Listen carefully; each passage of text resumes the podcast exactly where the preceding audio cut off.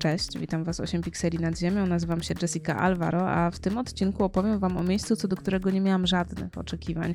Właściwie miał to być tylko przystanek przed faktycznym celem mojej podróży, a jednak stało się tak, że miesiąc, który tu spędziłam, będę pamiętać do końca swojego życia.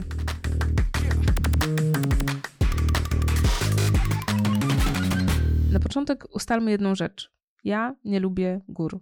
I to nie chodzi o to, że ja odwiedzam góry rzadko. Ja w swoim dorosłym życiu nigdy z własnej woli nie pojechałam w góry, bo po prostu wolę morze. Jestem jedną z tych osób, które kochają szum morza, uwielbiają wpatrywać się w morze, spędzać wieczory nad morzem i czuć tę specyficzną atmosferę, która panuje tylko w nadmorskich miasteczkach. Góry są dla mnie absolutnym przeciwieństwem tego, czego oczekuję od błogiego wypoczynku.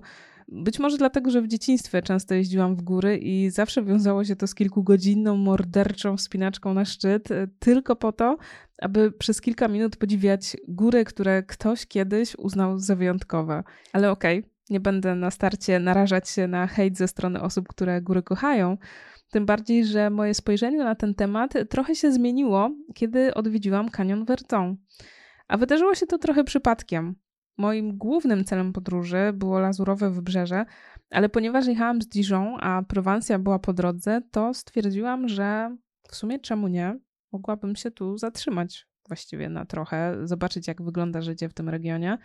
No i tak też zrobiłam. Wybrałam miasteczko Sainte-Croix du Verdon, ale w sumie tylko dlatego, że wydawało mi się dobrą bazą wypadową w kilka innych miejsc, które planowałam odwiedzić.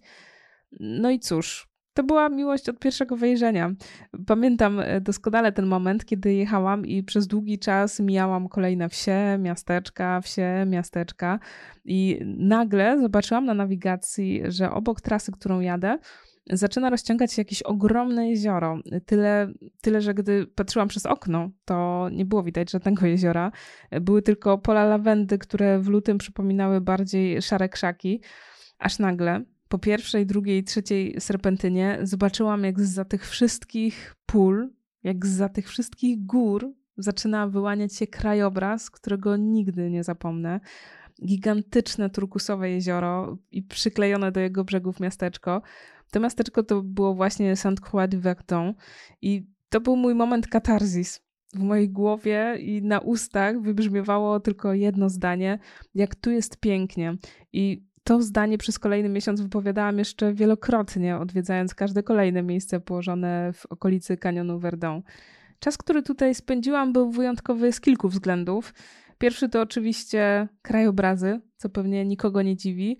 Natomiast, tak jak wspominałam, to był luty i mimo, że pogoda naprawdę dopisywała, nie było ani jednego deszczowego dnia, cały czas świeciło słońce, temperatury były idealne, wystarczyło wrzucić bluzę, t-shirt i wyjść na spacer, to mimo wszystko to nie był sezon turystyczny, a dla takich miejsc jak Canyon Verdon to ma ogromne znaczenie i mówiąc krótko, wszystkie okoliczne miasteczka były dosłownie opustoszałe. To było generalnie bardzo ciekawe doświadczenie i nagram na ten temat pewnie osobny odcinek, odcinek na temat tego, jak mieszka się w bezludnym mieście. Inny powód, dla którego mój pobyt w tym miejscu uważam za całkiem wyjątkowy, był taki, że tutaj właściwie po raz pierwszy otwarłam się na to, żeby zacząć używać języka francuskiego. Szczerze mówiąc, właściwie byłam do tego trochę zmuszona, bo wcześniej, będąc w Dijon, miałam przed tym opory i no, nie będę ukrywać, że posługiwałam się właściwie tylko angielskim. Tam to nie sprawiało żadnego problemu, no ale przyjeżdżając do Prowansji, do tego maleńkiego miasteczka, w którym prawie nie było ludzi, szybko zrozumiałam, że ci, którzy są, nie znają angielskiego. I jedyne, co mi pozostało, to powołanie do życia mojego francuskiego, którego uczyłam się wtedy dopiero kilka miesięcy, więc no, było to spore wyzwanie, ale bardzo się z tego cieszę. Tym bardziej, że wszyscy ludzie, których spotykałam tam na swojej drodze, byli przesympatyczni i ostatecznie nigdy nie mieliśmy większych problemów z dogadaniem się. Najzabawniejsze rozmowy odbywałam zawsze z moimi sąsiadami, mm, dwoma starszymi Francuzami, którzy za każdym razem dopytywali, co ciekawego ostatnio widziałam i polecali mi kolejne miejsca, które powinnam odwiedzić w okolicy. Oczywiście to, co w kanionie Verton urzekło mnie najbardziej, to tak jak wspomniałam, krajobrazy. Odwiedziłam kilkanaście różnych miasteczek, punktów widokowych, które czasem zdawało się, że są położone dosłownie na końcu świata, I to jest też bardzo ciekawe, bo mimo, że te wszystkie miejscowości znajdują się w górach, to każda z nich jest inna. Każda z nich jest na swój sposób wyjątkowa i Jedyne, co je łączy, w moim przekonaniu, to te kilometry górskich serpentyn zawieszonych nad przepaściami, które czasem naprawdę przyprawiają mnie o dreszcze.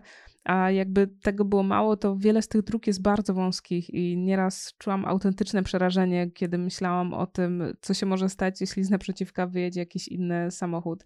Natomiast co do samego kanionu i kwestii gór, których przecież nigdy nie lubiłam, to pamiętam moment, kiedy zrozumiałam, dlaczego są ludzie, którzy kochają takie krajobrazy. To było, kiedy pojechałam na jeden z mostów, taki bardzo charakterystyczny, popularny punkt widokowy. I niby nie wydarzyło się wtedy nic specjalnego, ale kiedy doszłam mniej więcej do połowy tego mostu i spojrzałam w górę na potężne skalne ściany, to nagle poczułam taką ogromną pokorę wobec natury, że trudno mi to nawet opisać słowami. Myślę, że to było coś w rodzaju lęku wysokości, tyle że ja wcale nie patrzyłam w dół, tylko właśnie w górę, a mimo to czułam, że serce bije mi mocniej, że uginają się pode mną nogi. No, było to niesamowite doświadczenie. I generalnie to uczucie niesamowitości towarzyszyło mi też w wielu innych miejscach. Na przykład, e, kiedy odwiedziłam położone wysoko w górach maleńkie miasteczko Hugon i nagle zobaczyłam, że roztacza się z niego widok na ogromną przełęcz. To było wielkie zaskoczenie. Zrobiłam w tych wszystkich miejscach oczywiście setki zdjęć, zmontowałam też film, w którym pokazane są te z mojej perspektywy najpiękniejsze zakątki kanionu Verdon. Linki do tych materiałów znajdziecie oczywiście w opisie do tego odcinka. Natomiast na koniec chcę Wam opowiedzieć też jeszcze taką małą anegdotę. Ostatniego dnia, kiedy pakowałam się do samochodu, pakowałam walizki i zbierałam się do wyjazdu, to z jednej strony czułam maleńką, ale naprawdę maleńką nostalgię, a z drugiej strony ogromnie się cieszyłam, że wyjeżdżam, bo szczerze mówiąc, miałam dość życia w tak bezludnym miejscu. I świadomość tego, że jadę w końcu do dużego miasta, powodowała, że pakowałam się dosłownie z uśmiechem na twarzy. Cieszyłam się oczywiście, że spędziłam tu fajny czas, ale no zwyczajnie nie miałam ochoty zostać tu dłużej i pamiętam jak na pożegnanie jeden z sąsiadów zapytał mnie, czy jeszcze tu wrócę. Stwierdziłam wtedy, że być może, a on powiedział, że ostatecznie każdy tu wraca, bo każdy zakochuje się w tym miejscu. I powiem wam, że zapamiętałam jego słowa, ale nie przywiązywałam do nich jakiejś większej wagi. Niemniej, kiedy w końcu już byłam w tym większym mieście, miały kolejne miesiące i autentycznie czułam, że narasta we mnie tęsknota. Tęsknota za tym miejscem, którą do teraz e, czuję. I trudno to wyjaśnić, biorąc pod uwagę, że no mimo wszystko nadal nie jestem wielką fanką gór. Ale jest coś takiego w kanionie Verdon, że rzeczywiście tęsknię i za tymi pięknymi krajobrazami, i za tymi sympatycznymi ludźmi, których od czasu do czasu dało się spotkać na ulicach tych niemal bezludnych miasteczek. Dziękuję Wam za wysłuchanie tego lekko sentymentalnego odcinka. Mam nadzieję, że Wam się podobało i że jeśli zdecydujecie się na wycieczkę do kanionu Verdon, to i Wam skradnie on kawałek serca, do którego zawsze będziecie chcieli wracać. Jeszcze raz dzięki, że byliście ze mną i do usłyszenia w kolejnym odcinku. Cześć.